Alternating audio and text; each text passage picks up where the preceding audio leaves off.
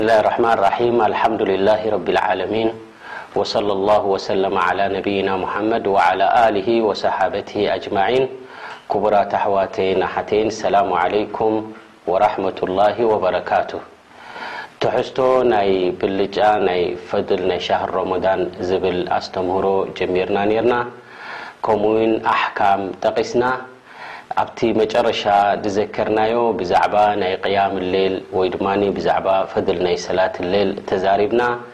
እዚ ሰላት ሌል ኣብ ሙሉእ ዓመትኮ ዝስገድ እንተኾነ ብዝያዳ ብልጫ ከም ዘለዎ ኣብ ሻህር ሮሞዳን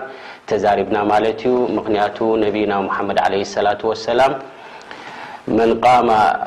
ለይለት ወይ ድማ ስያም ማለት ኣብ ለይቲ ናይ ሮሞዳን፣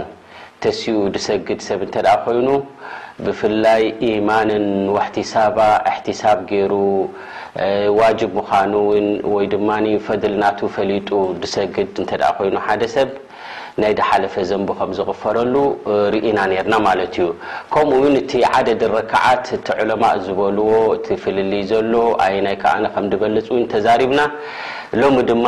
ካብቲ ኣብ ኩላ ግዜ ክስራሕ ዘለዎ ብፍላይ ድማ ኣብዚ ወርሒ እዚ ዝያዳ ክትግበር ዘለዎ ሰናይ ተግባር ክንዛረብ ኢና ማለት እዩ። ንሱ ድማ ብዛዕባ ፈድሉ ቲላወት ልቁርኣን ወኣንዋዒሃ ማለት ቁርኣን ምቅራእ ብልጫ ናቱ ክንድምታይ ምዃኑ፣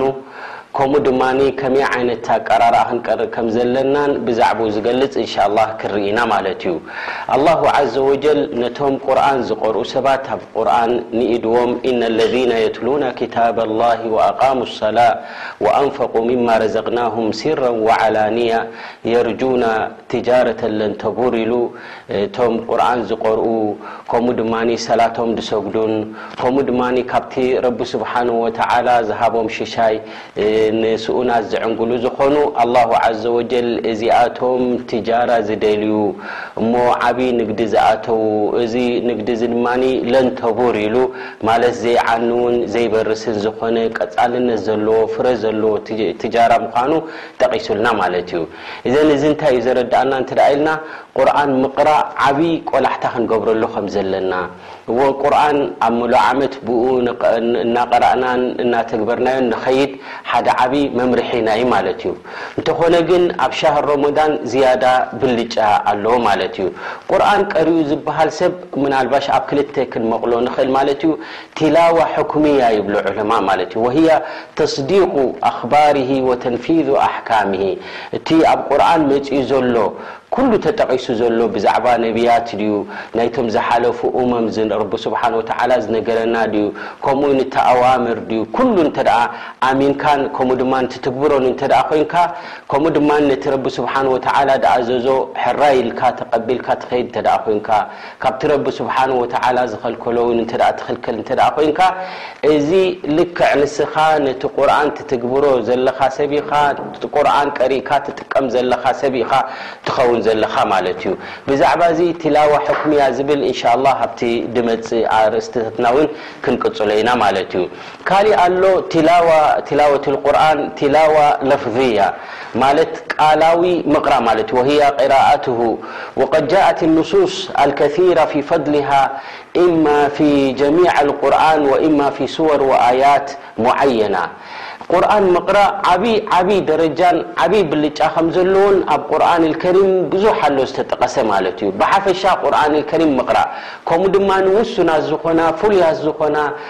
ኣያት ድማ ከምኡ ድማ ሱወር ድማ ኣብ ቁርኣን ኣልከሪም እዚኣተን ምቅረኣን ድማ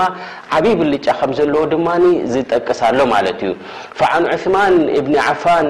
ረድየ ላሁ ዓንሁ ኣነ ነቢይ ዓለይሂ ሰላቱ ወሰላም ቃል ኸይሩኩም መን ተዓለመ ኣልቁርኣን ወዓለማ እዚ ኣብ ሪዋየት ኣልቡኻሪ ወሙስሊም ዝርከብ ሓዲት እዩ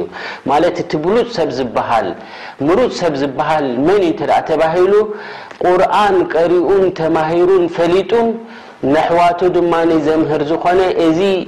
ኸይረኛ ዝበሃል ሰብ ብሉጽ ሰብ ዝበሃል ሰብ እዚ እዩ ይብሉ ማለት እዮም። ወሊዛሊክ ቁርኣን ምቅራእ ምስ ቁርኣን ዘለካ ርክብ ዝያዳ ዝዓበየ ክኸውን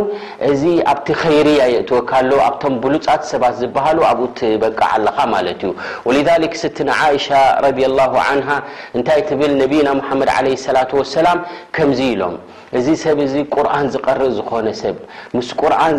ያኒ ዝነብር ዝኾነ ሰብ እንታይ ዓይነት ብልጫን እንታይ ዓይነት ፈድል ከም ዘለዎን ስትና ዓኢሻ ነቢ ዓለይሂ ሰላቱ ወሰላም ከምዚ ኢሎም ይብላ እንታይ ኢሎም ነቢ ዓለይሂ ሰላቱ ወሰላም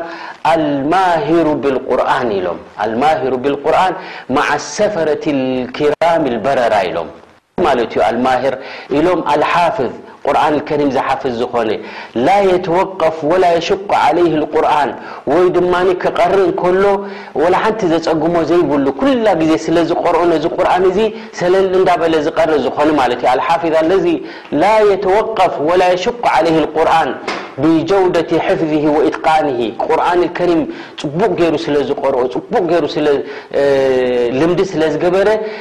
ነዚ ቁርኣን እዚ ማህር ዝኾነ ኢሎም ኣነቢ ዓለይሂ ሰላቱ ወሰላም ያዕኒ ብዘይ ጠጠው ምባል ዝቀርእ ዝኾነ ያዕኒ እዚ ናይ ብሓቂ መታዕ ዘለዎ ኣቀራርኣይ ማለት እዩ ብልቁርኣን ኢሎም ማዓ ኣሰፈረቲል ኪራሚል በረራ ኢሎም መን እዮም እዞም ሰፈረቲል ኪራሚል በረራ ዑለማእ ብዙሕ ትንታነ ሂቦሞ ኣሰፈራ ኢሎም ኣሩሱል ማለት እዮም ሊኣነሁም ዩስፊሩነ ዓለ ናስ ቢሪሳላቲላሂ ማለት እቲ መልእኽቲ ናይ ረቢ ዘብፅሑ ስለዝኾኑ ምስዚኣቶም ምስዞም ልኡኻት ናይ ረቢ ምስ ሩሱል ደረጃ ይበጽሕ መን ማለት እዩ መን እዚ ኣልማሂሩ ብልቁርኣን ወቂለ ኣሰፈረ ኣልመላኢካ ማዓ ኣሰፈረት ልኪራም ልበረራ ክበሃል ከሎስ ደረጃኻ እሳቶም መላኢካ ጽፉፋት ምዕሩጋት ትእዛዝ ናይ ረቢ ዝፍጽሙ ላ ያዕሱነ ላሃ ማ ኣመሮም ወየፍዓሉነ ማ ይእመሩን ዝተብሃሉ ያኒ ዝለዓለ ደረጃ ድበጽሕዎ ኣብኡ ዓይነት እዚ ድማ ትበጽሕ ኢሎም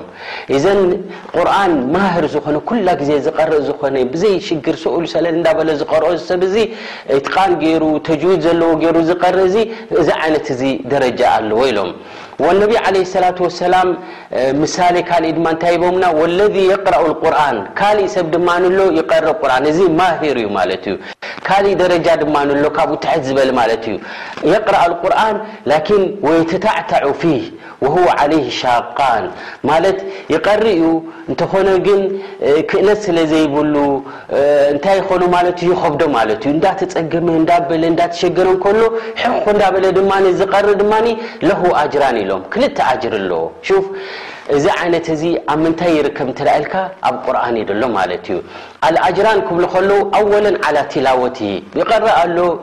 እቲ ዝቐርኦ ዘሎ ሕሩፍ ብኡ ኣጅሪ ኣለዎ ማለት እዩ ወሳኒ ዓላ መሸቀቲሃ ምኽንያቱ ይኸብዶ እዩ ዘሎ ይኸብዶ ስለ ዘሎ እሞ ከኣ ከቢዱኒ ኢሉ ክንዲ ዝገድፎ ላእ ይቃለስ ስለ ዘሎ ክልተ ኣጅሪ ወሲዱ ማለት እዩ ስለዚ ቁርኣን ምቕራእ ዓብዪ ደረጃን ዓብዪ ብልጫ ከም ዘለዎን በዚ ይበርሃልና ማለት እዩ ወኣቢ ሙሳ ኣልኣሽዓሪ ረዲየላሁ ዓንሁ ኣነቢ ዓለይሂ ሰላቱ ወሰላም ከምዚ ክብሉ ሰሚዐዮም እብሉ እንታይ ኢሎም ኣነቢ ዓለይሂ ሰላቱ ወሰላም ሹፍ እዚ ቁርኣን ዝቀርእ ሰብ ማዕረ ክንዲ ምንታይ ደረጃን ዕብየትን ከም ዘለዎ ስለዚ ኩሉ ነገራት ገዲፍካ ኣብ ቁርኣን ዝያዳ ከተድህብ እዩ ዘለካ ወሊዛሊክ ነቢዩና ሙሓመድ ዓለይሂ ሰላቱ ወሰላም ኢሎም መሰሉ ልሙእሚን ኣለዚ የቅረኡ ልቁርኣን ምሰል ኣልኡትርጃ ኢሎም እዚኣ ኡትርጃ እዚኣ ዓጂብ ዝኾነ ነቢ ዓለይሂ ሰላቱ ወሰላም መግለፂ ሂቦምና ወህያ ሚን ኣሕሰኒ ቲማር ብልጽቲ ዝኾነት ቱፋሕ ዓይነት ትመስል እያ ብጫ ዓይነት እያ ተሱሩ ናዝሪን ክትሪኣ ከለኻ ደስ ትብለካ ዝኾነት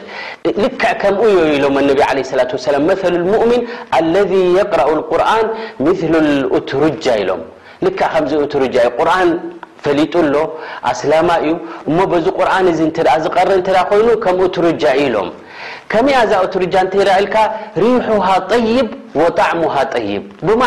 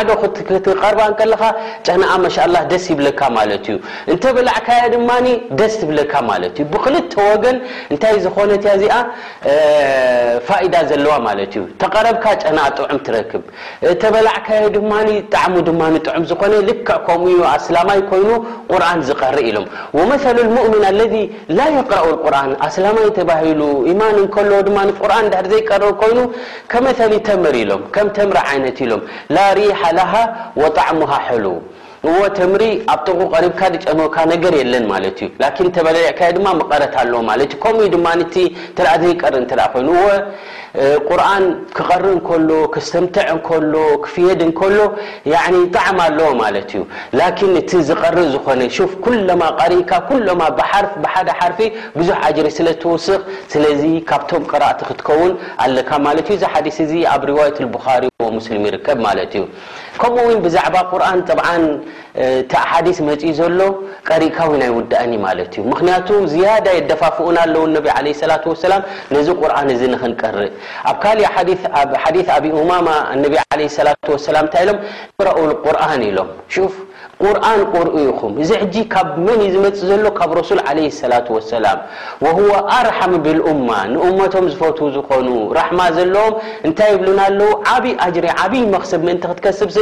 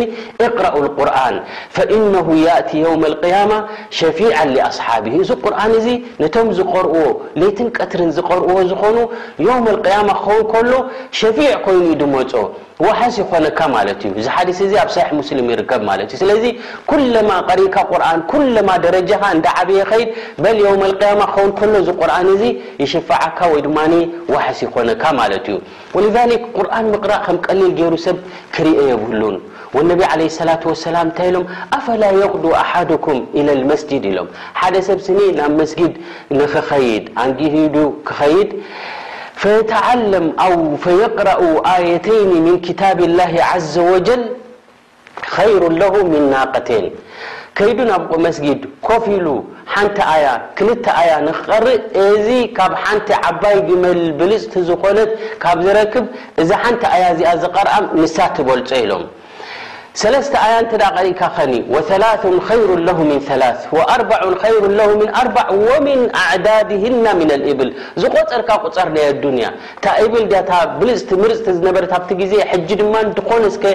ኣምጺእኻ ንምሳሌ ዝኸውን ማለት እዩ ካብ ነዚ ናይ ኣዱንያ እዚ ጥቕሚ እዚ ትረክብ እዛ ሓንቲ ኣያ ክልተ ኣያ ሰለስተ ኣያ ተቐርኣ ኣብ መስጊድ ኬድካ እዚ ዝያዳ ዝያዳ ብልጫ ኣለዎ ማለት እዩ ስለዚ እንታይ የረድኣና ማለት እዩ ቁርኣን ኣልከሪም ምቕራእ ዓብይ ደረጃን ዓብይ ዕብየትን ከም ዘለዎ ማለት እዩ ነዚኦም ድማ ነብይና ሙሓመድ ዓለይሂ ሰላቱ ወሰላም ፊ ሓዲስ ኣቢ ሁረይራ እንታይ ኢሎም መጅተመዐ ቀውሙን ፊ በይትን ሚን ብዩቲ ላህ የትሉና ኪታበ ላህ ርኢኻ ሕጂ ሰባት ተኣኪቦም ብዙሕ ኣኼባታት እዩ ዘሎ ብዙሕ ነገር ኢኻ ትእከብ ላኪን እቲ ብሉጽ ኣኼባ ዝብሃል ኣብ መስጊድ ኮንካ ኣብ ዝኾነ ገዛ ኮንካ ኮፍ ኢልካ የትሉና ኪታበ ላህ ቁርኣን ናይ ረቢ ክትቀርእ ኣብ መንጎኻ ክትመሃርን ወይተዳረሱነሁ በይነሁም እዚኣ ከምዚኣ ትቕራእ እዚኣ ከምዚኣ ተፍሲራ እናበልካ ብዛዕባ ቁርኣን ዘለካ ኣፍልጦ እናወሰኽካ ክትከይድ ከለኻ ኢላ ነዘለት ዓለይህም ሰኪና ነዞም ሰባት እዚኣቶም ሰኪና ህድኣት ርግኣት ናይ ረቢ ስብሓነሁ ወተዓላ ይወርዶም ማለት እዩ ወቐሸየትሁም ራሕማ ራሕማ ናይ ረቢ እውን ይወርዶም ወሓፈትሁም መላኢካ እዞም መላኢካ እዚኣቶም ኸይረኛታት ዝኾኑ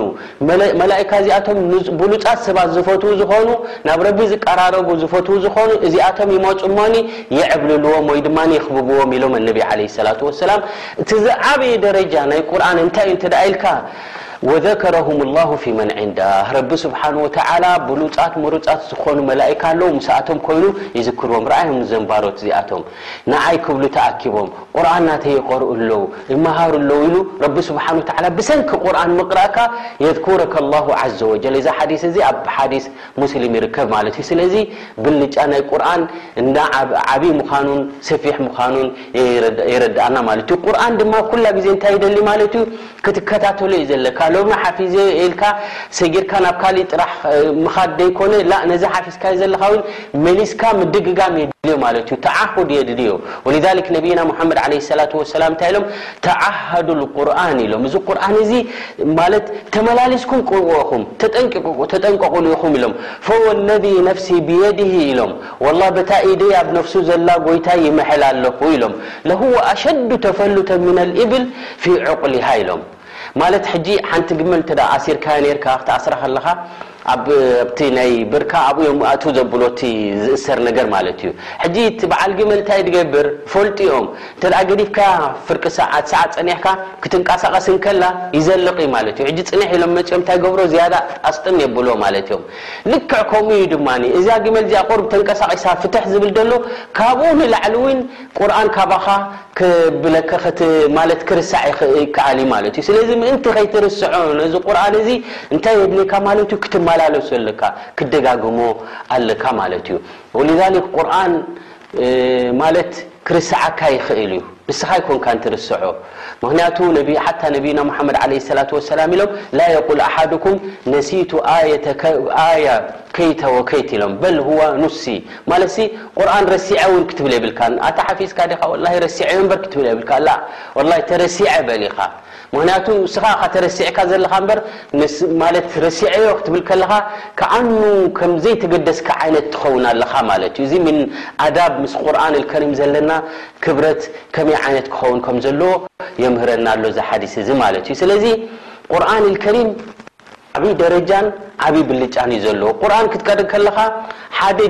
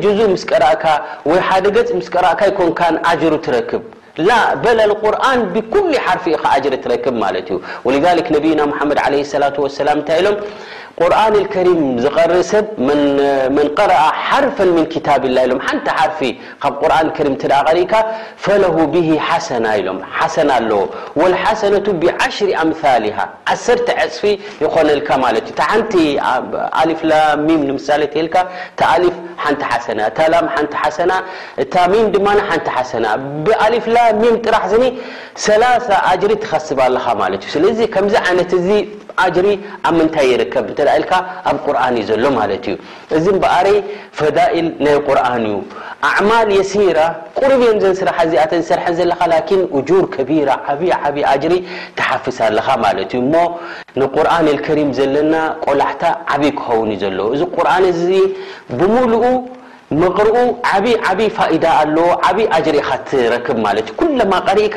ኩለማ ብሓርፍ ብሓንቲ ሓርፍ ሓሰናት ትረክብ ኣለኻ ማለት እዩ ከምኡ ውን ኣብ ቁርኣን ኣልከሪም ዝያዳ ብልጸት ዘለወን ኣያት ወይ ብልጸት ዘለወን ሱወር ድማ ኣለዋ ኩለማ እዚኤን ቀሪእካየን ድማ ዝያዳ ኣጅርን ዝያዳ ብልጫ ትረኽበሉ ውን ኣብ ሓዲስ ተጠቒሱ ኣሎ ማለት እዩ እንተኾነ ግን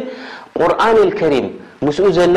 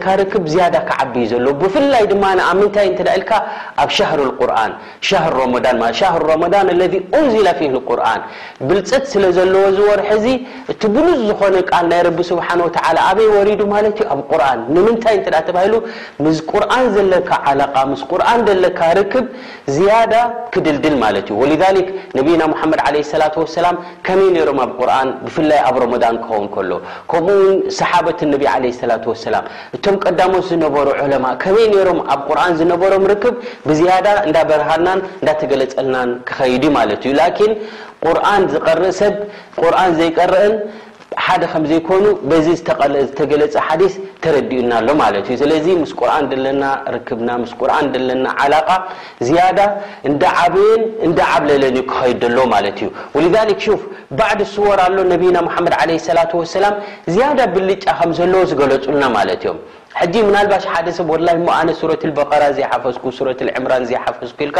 ብዙሕ ተስፋ ክትቆርጽ የብልካን በል ቅልል ዝበላ ሱወር ኩሉ ኣስላማይ ዝሓፍዞ ዝኾነ ላኪን ብዙሕ ብዙሕ ብልጫ ዘለዎ ሱወር ኣለና ማለት እዩ ወሊዛሊክ ብዛዕባ ሱረቱል ፋቲሓ ኣነቢ ዓለይሂ ሰላቱ ወሰላም እንታይ ኢሎም ኣቢ ሰዒድ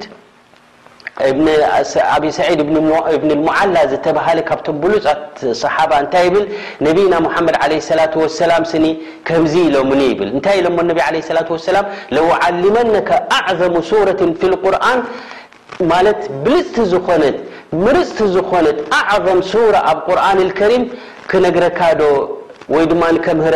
ل انبي عليه الصلاة ولسلام نرمن يبل ن ما ل ني عليه اللة وسلم الحمدلله رب العالمين الحمدلله ربالعالمين سورة الفاتحة هي سبع المثاني والقرآن العظيم الذي اتيته قرآن العظيم